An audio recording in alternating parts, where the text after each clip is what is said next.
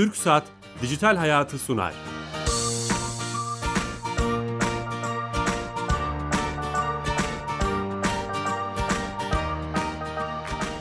Dijital hayata hoş geldiniz. Teknoloji, internet ve sosyal medyanın hayatımızın etkilerini konuşmaya, hayatımızı nasıl değiştirdiğini her açıdan bakmaya devam ediyoruz. Her hafta Cuma saat 15.30'da TRT Radyo 1 mikrofonlarında. Bu hafta çok değerli bir konuyu ve çok değerli bir konukla konuşacağız. Ee, özellikle 15 Temmuz sonrasında Türkiye'nin algısını, yurt dışındaki algısını, orada yaşayan soydaşlarımızın, Türklerin bu konuda nelere maruz kaldığını, onların neler yapılabileceğini hem e, kurum kültürü olarak hem de akademisyen şapkasıyla Yurt dışı Türkler ve Akrabalar Topluluklar Başkanı Doçent Doktor Kudret Bülbül ile konuşacağız. Kendisi Ankara'dan bize canlı yayın konuğumuz olacak. Telefonda bağlanacağız kendisine ve onun tecrübelerinden, e, yaşadıklarından bizzat dinlemiş olacağız. Ama öncesinde sponsorumuz TürkSat'a bağlanıyoruz her hafta olduğu gibi. TürkSat Türkiye'nin dönüşüm şirketi, e, devleti yapıyor, hayatımızı kolaylaştıran servisleri organize ediyor ve bize sunuyor. E, orada uzman direktör arkadaşımız Sami Yenici'ye bağlanacağız. Sami Bey hatta sanırım. Sami Bey. Bilal Bey merhaba, iyi yayınlar. Sağ olun, teşekkürler. Nasılsınız? Teşekkür ederiz. Çok sağ olun. Sizler de iyisiniz. Sağ olun. Teşekkürler. Bu hafta hangi hayatımızı kolaylaştıran servisi bize anlatacaksınız? Evet bu hafta e, hem bir hizmetten hem de E-Devlet Kapısı ile ilgili bir gelişmeden bahsetmek istiyorum. Tamam. Bugün itibariyle E-Devlet Kapısı kayıtlı kullanıcı sayısı 30 milyonu aştı. Bugün itibariyle mi? Çok güzel haber. Evet bugün itibariyle 36 30 milyonu aştı. 1607 adet elektronik hizmet 30 milyon kullanıcımıza sunulmakta. Çok güzel. Bu duyurunun ardından hani e, şu an konuğumuz e, Yurtdışı Türkler ve Akraba Topluluklar e, Başkanı. E, devlet kapısındaki hizmetlerinden kısaca bahsetmek istiyorum kurumumuzun. Tamam. E, Türkiye'den burs alan öğrenciler bursluluk durum belgesi sorgulama ve doğrulama işlemlerini E-Devlet kapısından gerçekleştirebilmekteler. Hmm, çok iyiymiş. Hizmet ile kamu kaynakları kapsamında Türkiye burslusu olarak ülkemizde eğitim görmekte olan öğrencilerin bursluluk bilgilerini sorgulayabilmeleri, gerekmesi halinde bursluluk belgesi alabilmeleri sağlanmakta. Ee, bu bursluluk belgelerinin e kapısı üzerinden verilmesi sağlanarak her bir bursluluk belgesi için harcanan zaman ve insan kaynağından tasarruf edilmekte. Hı hı. Ve belgeye 7 gün 24 saat hızlı, güvenli ve kolay bir şekilde ulaşılması sağlanmaktadır. Çok iyi bir çalışma. Peki yurt dışındaki öğrenciler e-devlete nasıl girme giriyorlar? Nasıl öyle bir teknik olarak ne yapmaları gerekiyor? Bizler gibi mi PTT'ye gidip? Şöyle, e, zaten Türkiye'de okuyan e, öğrenci yabancı olması durumunda dahi e, e şifresi alabiliyor. Hmm, tamam. E, yabancı kimlik numaranızla PTT şubelerine gittiğinizde e, e şifresi alabiliyorsunuz. Bu çok önemli. Bu şekilde tabii. Evet. Ee, yani ben bunu bilmiyordum. İlk defa bu yayında öğrenmiş olduk. Yurt dışı evet. e, Türkler ve Akrabalar Topluluğu kurumuyla da böyle bir işbirliğiniz olduğunu. Çok iyi oldu. Tam e, programa da konumuza da uygun olmuştu. Çok teşekkür ederiz. Evet ben teşekkür ederim. Çok sağ olun. Sağ olun. Tüm ekibe selamlar. İyi yayınlar. Sağ olun. Sağ olun. Evet e, devlete bağlandık. Hem de konuğumuzun e, konusuyla ilgili bir servisi de dinlemiş olduk. Hiç vakit kaybetmeden ben e, konuğumuzla e, konumuzu konuşmak istiyorum. Doçent Doktor Kudret, Kudret Büyübül e, Sayın Başkanımız aynı zamanda hocamız bizimle beraber olacak. Kendisi telefon attığımızda. Hocam. Merhabalar, iyi yayınlar diliyorum. Nasılsınız? Teşekkür ederim. Sizler de iyisiniz. Sağ olun, teşekkürler. Vakit ayırdınız. Ee, bu önemli konuyu sizinle. Belki Türkiye'de en önemli kişilerden birisiniz bu konuda konuşabilecek. Bizzat e, e, canlı canlı yaşadığınız için. E, sizin hem akademik şapkanız var hem de bir e, kurum şapkanız var. Bu iki şapkayı evet. dan da istifade etmek istiyoruz bu sohbetimizde. Ee, belki dinleyicilerimiz için şöyle bir açılış yapmakta fayda var. Ee, bu kurumu biliyoruz ama bilmeyen dinleyicilerimiz olur. Yurtdışı Türkler ve Akrabalar Topluluğu kurumu neler yapar Sayın Başkanım? Doğrusu buradan girersek doğru, programınız yeterli olur mu? Çok emin değilim. Eyvallah. Yani her tarafından mutlaka bir faaliyeti olan bir kuruluşuz. Ama hızlıca özetleyeyim. Tamam. Ee, henüz 6 yıllık bir kuruluşuz. 2010 yılında kurulmuş, kurulduk. Ee, üç temel görevimiz var. Birinci görev alanımız YTB bir tür, bir tür değil aslında tam olarak bir diaspora başkanlığı. Biliyorsunuz e, insanlarımız 1960'lı yıllarla birlikte Avrupa'ya çalışma amacıyla gittiler. E, milyonlarca insanımız var Avrupa'da, Amerika'da. Doğru. insanlar uzun yıllar maalesef sahipsiz bırakıldılar. Hem Türkiye tarafından sahipsiz bırakıldılar hem de ilgili ülkelerin çoklukla çok da iyi niyetli olmayan tutumlarıyla karşı karşıya kaldılar. Hı hı. Bu iyi niyetli olmayan tutumlarını son zamanlarda, son yıllarda çok daha net görüyoruz. İşte bu kimsesiz olan, sahipsiz kalan insanlarımıza yönelik e, Türkiye 2010 yılında böyle bir kuruluş kurdu. Buradaki temel amacı yurt dışındaki insanlarımıza rehberlik etmek. Onları çok yönlü olarak güçlendirmek. Belki vatandaşımız olarak 6 milyon kadar bir vatandaşımız var ama vatandaşımız olmayan da ya da vatandaşlığımızı taşımayanlar da bizim insanımız itibariyle. Bu nedenle ben insanımız kavramını tercih ediyorum. Böyle baktığımızda 8-10 milyon insanımız var. Çok ciddi bir rakam. Tabii onları pek çok ülkenin nüfusundan daha fazla. Onları bulundukları ülkelerde güçlendirmeye yönelik çok yönlü çalışmalarımız var. Projelerimiz var, e, yurt dışı desteklerimiz var, burslarımız var. Onların Türkiye'deki sorunlarını çözmeye yönelik yaptığımız pek çok çalışmalar var. Bir tek belki cümleyle ifade etmek gerekirse, oradan kendisini de rahmetle almış olalım. Cem Karaca'nın işçisin, işçi kal diye bir e, şarkısı vardı. Evet. Onu anımsayarak yurt dışındaki vatandaşlarımıza işçisin, işçi kalma, hayatın her alanda aktif ol, etkin ol, e, ekonomide, sanatta, edebiyatta, siyasette her alanda daha fazla katılım sağla e, ve bu amaçla biz e, sizin arkanızdayız demiş oluyoruz. Diaspora Başkanlığı olarak yaptıklarımız. Hı hı. İkinci görev alanımız e, soydaş ve akraba topluluklar. Tabii Türkiye e, sıradan bir devlet değil. Yeni kurulmuş bir devlet hiç değil. Pek çok Avrupa ülkesine baktığımızda pek çok Avrupa ülkesinin e, siyasal sınırlarıyla kültürel sınırları örtüşür. Yani siyasal sınırlarının bittiği yerde kültürel sınırlar da biter. Ama bizim medeniyet sınırlarımız siyasal sınırlarımızı fersah fersah aşar. Az önce Afrika'dan bir heyet vardı. Oradan buraya geldim. Onlara dedim ki a, bugünün dünyasında farklı kimliklerden, kültürlerden devlet adamları yetişmesi Batı, Batı medeniyetinde yeni bir uygulama, iyi bir uygulama. Örneğin Kenya, Kenya'dan Obama'nın gelip Amerika'da devlet başkanı olması iyi bir uygulama. Ama bizim medeniyetimiz açısından dedim unuttuğumuz bir uygulama ve bir de soru sordum Afrikalı heyete. Tam da 100 yıl önce bizim başbakanımız 1916'da bir Afrikalıydı. Ee, neredendi dedim. Tabii heyet şaşırıyor genellikle bu soruları sorunca. Mısır'dan e, e, Said Halim Paşa'ydı. 140 yıl önce Tunus'tan Hayrettin Paşa'ydı. Tunus Hayrettin Paşa'ydı. Yani bunları şunun için söylüyorum. Bizim medeniyet coğrafyamız çok geniş ama son 100 yılda maalesef e, biraz içe kapanmışız. İşte bu alanda tekrar kaybolan ilişkileri yeniden güçlendirmeye yönelik sosyal, kültürel, entelektüel, akademik e, çalışmalar yapıyoruz. Ne yaptık? Örneğin geçen yıl Orta Doğu Düşünce Kuruluşları buluşmaları yaptık. Sayın Cumhurbaşkanımız sağ olsunlar heyeti kabul ettiler. Afrika ülkeleri düşünce kuruluşları buluşmaları yaptık. Sayın Hı hı. Başbakanımız kabul ettiler. Bu ve benzeri çalışmalarla amacımız tarihsel ve kültürel ilişkileri olan e, bölge insanını, bölge yönetici elitini tekrar birbirleriyle etkileşim haline getirmek, birbirleriyle iletişimlerini arttırmak, ortak sorunları birlikte tartıştırarak ortak geleceğe yönelik birlikte çalışmalarını temine sağlamak. Temin etmek. Bunları nasıl yapıyoruz? Bunları da esas itibariyle e, işte e, online mekanizmalarımız var. E, bize proje bazlı başvurabilirler. E, Her yıl proje ilanına çıkıyoruz. Hangi projeye ne kadar destek vereceğiz? Hangi ülkede destek veriyoruz? Hangi zamanlarda destek veriyoruz? Bunlar son derece sabit bir şekilde e, ilan ediyoruz. Ve o başvurulardan sonra sivil toplum örgütleriyle, ilgili devletlerin kuruluşlarıyla, üniversitelerle yakın çalışmalar yapıyoruz. Hı hı. Ama bizim en fazla bilindiğimiz alan üçüncü alanımız. Ee, o da uluslararası öğrenciler. YTP aynı zamanda bir tür uluslararası yüksek öğretim ajansı gibi de çalışıyor. Dünyanın her tarafından insanlar Türkiye'de okumak istiyorlarsa, e, devlet burslarıyla okumak istiyorlarsa bize başvuruyorlar.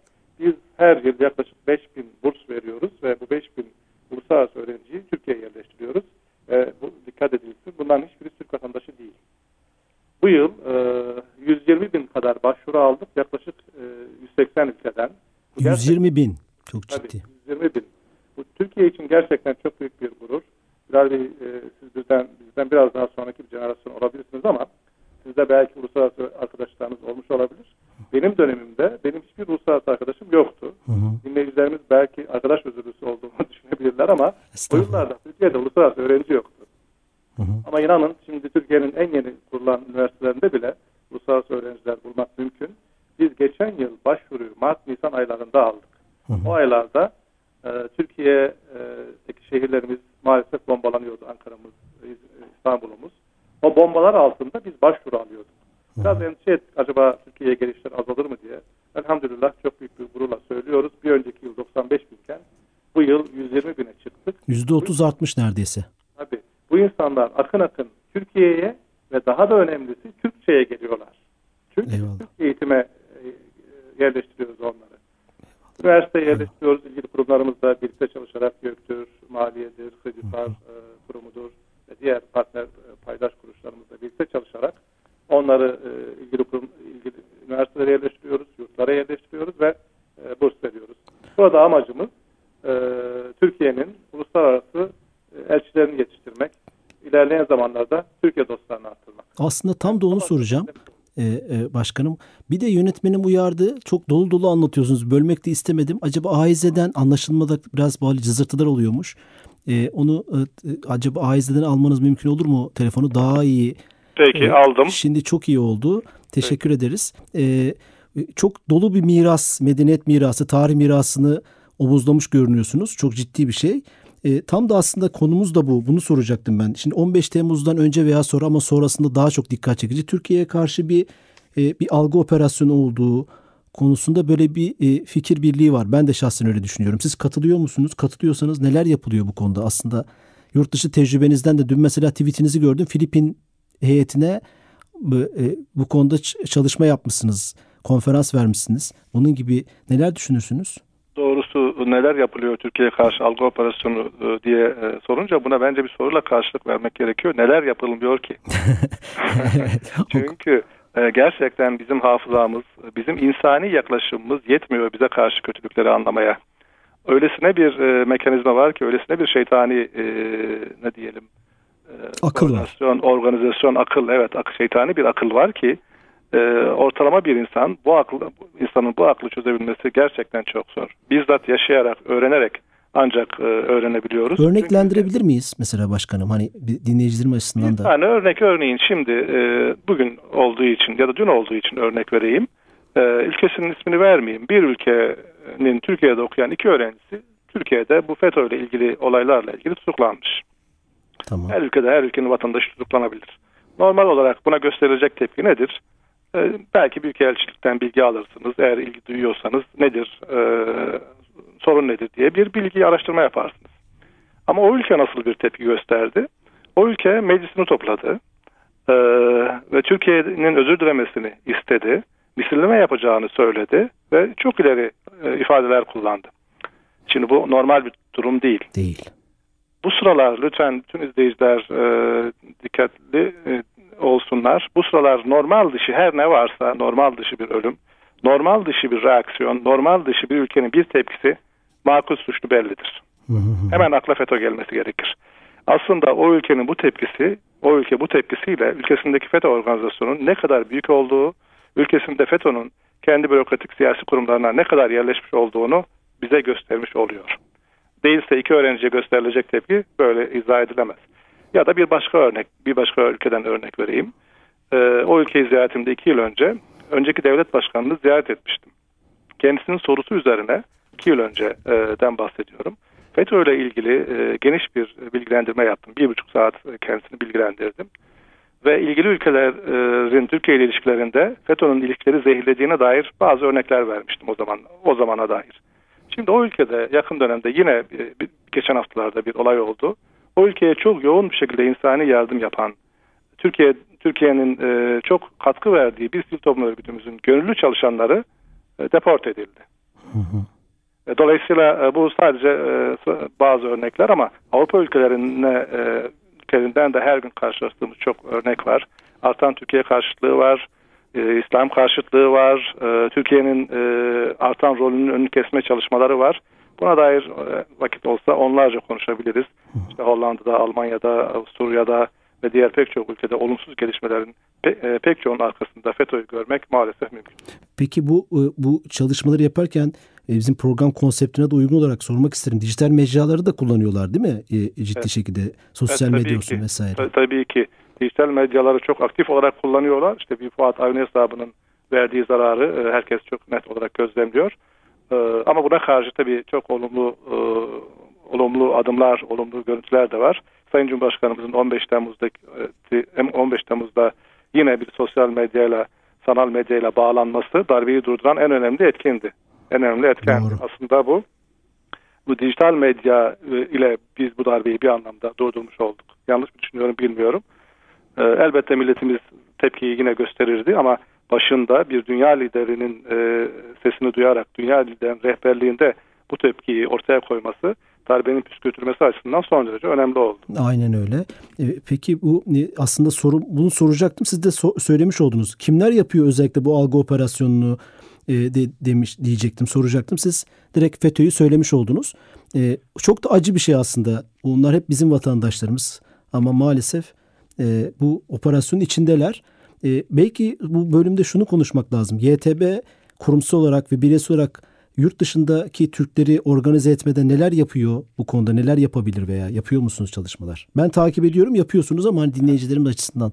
Şimdi e, ona da değineyim ama şuna değineyim. Tabii Türkiye az önce de ifade ettik.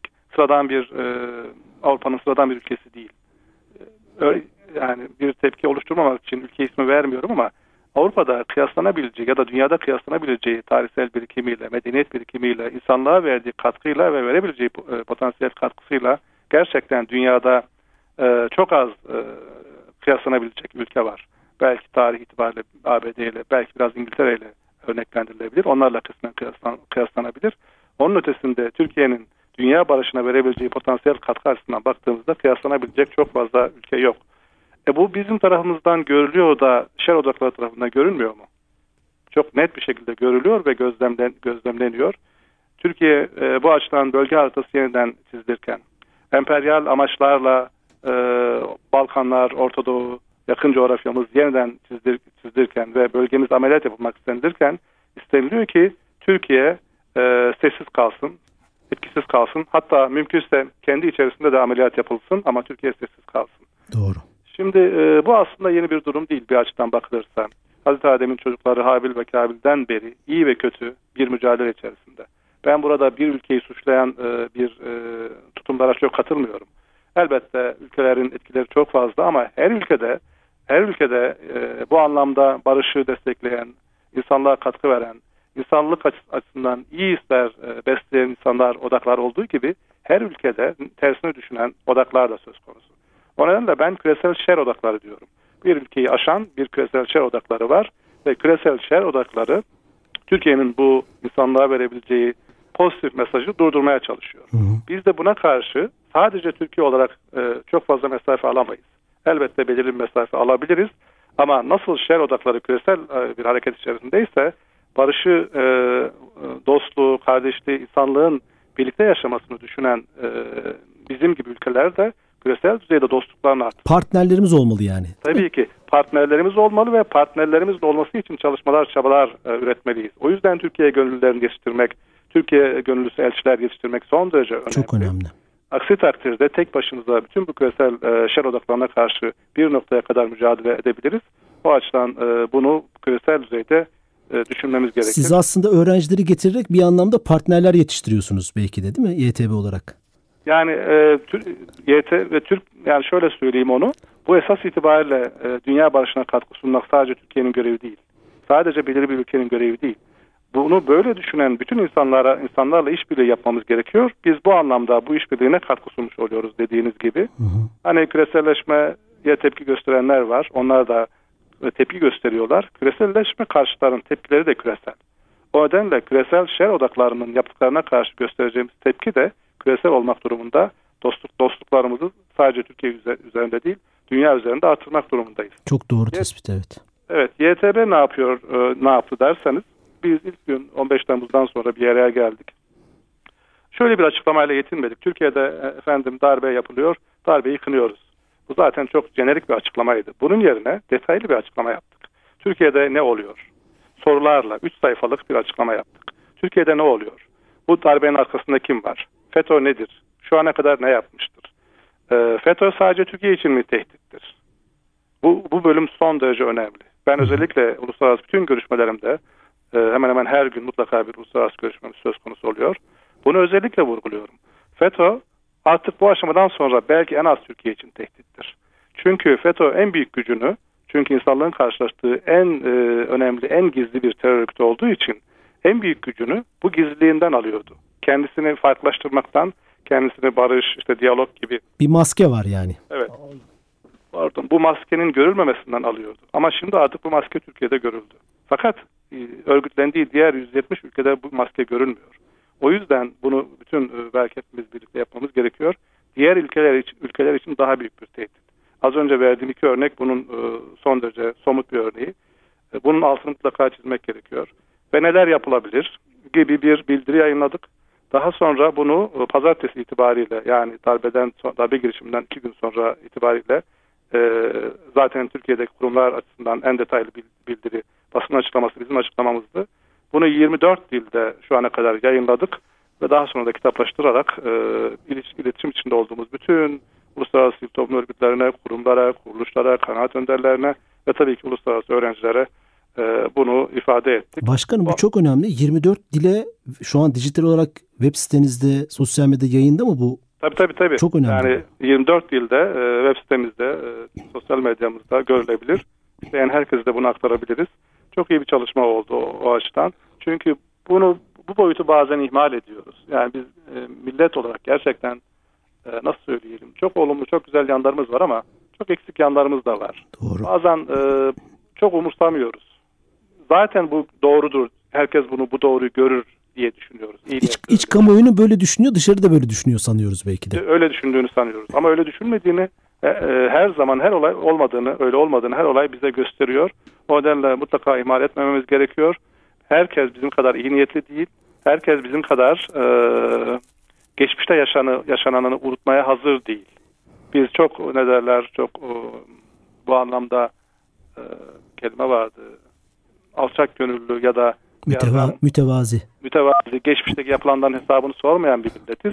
Ama işte Ermeni meselesinde olduğu gibi bütün milletler öyle değil. O nedenle uluslararası toplumu bilgilendirmeyi asla ihmal etmemeliyiz. Zaten biliyorlar gibi bir zahaba kapılmamalıyız. YTB de bu konuda aslında sizin kurumunuzda e, o network'ü hem yurt dışındaki Türkleri hem de burada gelip okuyan yabancıları o network içinde, o ağ içinde tutup e, bunu yapmaya çalışıyor anladığım kadarıyla. E, tabii ki hem ikili görüşmelerimizde ilgili devlet yetkililerinin biz ziyaretlerinde, biz ilgili, bizim ilgili devlet yetkililerinin ziyaretlerimizde bunu açıklıkla ifade ediyoruz. Aynı zamanda iletişim içinde olduğumuz bütün o kurumları, kuruluşları e, bilgilendiriyoruz. Tabii YTB'nin iletişimi e, çok gerçekten geniş bir coğrafyayı kapsıyor. Az önce ifade ettim. Yurt dışı vatandaşlar açısından bakıldığında 8-10 milyon bir hedef kitle söz konusu. Çok büyük bir rakam. Soydaş ve akrabalar, e, akraba toplumu açısından bakıldığında Balkanlar, Kafkaslar, Orta Doğu, Afrika birkaç yüz milyonluk bir hedef kitleyi içeriyor. Ve bütün bunların dışında bir de uluslararası öğrencilerimiz var. Kolombiya'dan, Çin'den, İspanya'dan, Uganda'dan yaklaşık 180 e, ülkeden. Dolayısıyla hemen hemen bütün ülkelere ya vatandaş boyutuyla ya soydaş ve akraba topluluğuyla bütün bunlar yoksa bile uluslararası öğrencilerimiz de bir şekilde dokunmuş oluyoruz. Sizin sanırım yurt dışında ofisleriniz de var. Yok bel, yurt dışında bel, ofislerimiz bel, yok. Böyle bir e, temsilciliğiniz mi var peki? Hani atıyorum Öyle Amerika'da, bir şey. Avrupa'da. Bir danışma e, e, kurulumuz var. Yurt dışı vatandaşlar danışma kurulu şeklinde. Bir gönüllü e, kuruluş. Herhangi bir ücret ödemediğimiz. Tamam. Onların e, ama gönüllü olarak aktif katkı vermelerini beklediğimiz bir kuruluşumuz var. Onun ötesinde resmi bir temsilcilik düzeyinde bir e, yurt dışı mekanizmamız yok. Buradan belki bizi dinleyen dinleyicilerimize şunu önerebiliriz. Hani sizin e, özellikle web siteniz ve sosyal medya kanallarınızı e, takip etmeleri ve o network'ün hani yurt dışında özellikle dinleyenler için e, e sizin bu sene 24 dile çevirdiğiniz bu belgeleri retweet etmeleri, beğenmeleri, başkalarına ulaştırmaları aslında biraz dijital toplum şey, felsefesiyle veya dijital diplomasi dediğimiz e, bu e, görev bilinciyle yapılabilir. Bilmiyorum ne dersiniz? Kesinlikle çok doğru söylüyorsunuz. Tabii biz e, biraz da kapsamlı bir e, basın açıklaması yaptık. Bunun tamamı olabilir, bir kısmı olabilir. Çünkü karşı karşıya olduğumuz tehdit, karşı karşıya olduğumuz mekanizma kolaylıkla anlaşılabilecek bir mekanizma değil. Yani Türkiye olarak bile bizim ancak bu kadar aldatılmışlıktan sonra bu kadar bunca kez değil mi? E, evet ısırıldıktan sonra, sokulduktan sonra anlayabildiğimiz bir mekanizmayı yabancıların anlaması hiç kolay. Mümkün değil, evet. Çok o nedenle zor. yabancıların biraz tepkisel e, kalmalarını, biraz anlayamamalarını anlayışla karşılamak gerekiyor. Biz çünkü bu noktaya işte 70'lerle başlamışsa bu terör örgütü faaliyetlerine kaç yılda geldik. Doğru. 3-5 yıl öncesine kadar e, çok daha farklı bir noktadaydık. Bu noktaya kolay gelmedik. Yabancılarla bunu çok e, ısrarla paylaşmak, ısrarla olanı anlatmak gerekiyor. Dün Hollanda'dan e, bazı e, ziyaretçiler vardı. Onlarla bunu paylaştık. Ve gerçekten e, anlayabilmek biraz zor. O yüzden ısrarlı olmak gerekiyor. Bu paylaşımı niye yapmalıyız diye bazı dinleyicilerimiz e, merak edebilirler. Yani dünya bir terör örgütüdür. E, biz zaten bu terör örgütünü geride bıraktık. İnsanlığın diğer e, coğrafyasında eğer bu terör örgütü kalan 170 ülkede kötülük yaparsa kendiler, kendilerine bize ne diyebilirler. Doğru. Bence böyle düşünmemek gerekir. Çünkü şöyle biz bu terör örgütünün gerçek yüzünü görür, görünceye kadar çok ağır maliyetler ödedik. Hı hı. 241 şehidimiz var. Evet. On, e, ondan önce çok sayıda insanımız gerçekten cezaevlerinde ya da iftiralarla ya da bilmediğimiz pek çok fail meçhul olaylarla bir şekilde mağdur edildi. Evet. Böyle oldu, olduğu için bu terör örgütünün gerçek yüzünü öğrenebilmenin bize, milletimize, devletimize çok büyük bir maliyeti var ve bunu dünyada en fazla bilen biziz. Bu kadar ağır bedel ödemişken bu bilgiyi paylaşmamak bence bir sorumluluk. Eyvallah. Bence bir vebaldir. İnsanlık adına, taşıdığımız değerler adına, e, her neyse kutsalımız onun adına bu bilgiyi mutlaka uluslararası kurumlarla, kuruluşlarla paylaşalım ki onlar da aynı şekilde tekrar sokulmasınlar, tekrar zehirlenmesinler, tekrar bizim gibi çok ağır bedeller ödemesinler. Tekrar ısırılmayalım anlamında. Yani bu bizim bu bize düşen bir insani görev o açıdan. Eyvallah. Başkanım çok teşekkür ediyoruz. Ben sizin kişisel Twitter adresinizde Kudret Bülbül et Kudret Bülbül'ün takip edilmesini öneriyorum dinleyicilerimize. Vakit ayırdınız. Çok teşekkür ederim. Ben teşekkür ediyorum. İnşallah tekrar birlikte oluruz. Seyircilerimizle tekrar bunları paylaşırız. Sağ olun. Teşekkürler. Evet, e, konuğumuz yurt dışı e, Türkler ve Akrabalar Topluluğu Başkanı Doçent Doktor Kudret Bülbül'dü. Türkiye'nin yurt dışındaki algısını konuştuk. Çok önemli bilgiler verdi. E, teknik yönetmenim e, Nihat Tuna, yapımcım Kenan Bölükbaş, ben Bilal Eren. Haftaya yeni konu ve konuklarla beraber olacağız. İyi hafta sonları, hoşçakalın.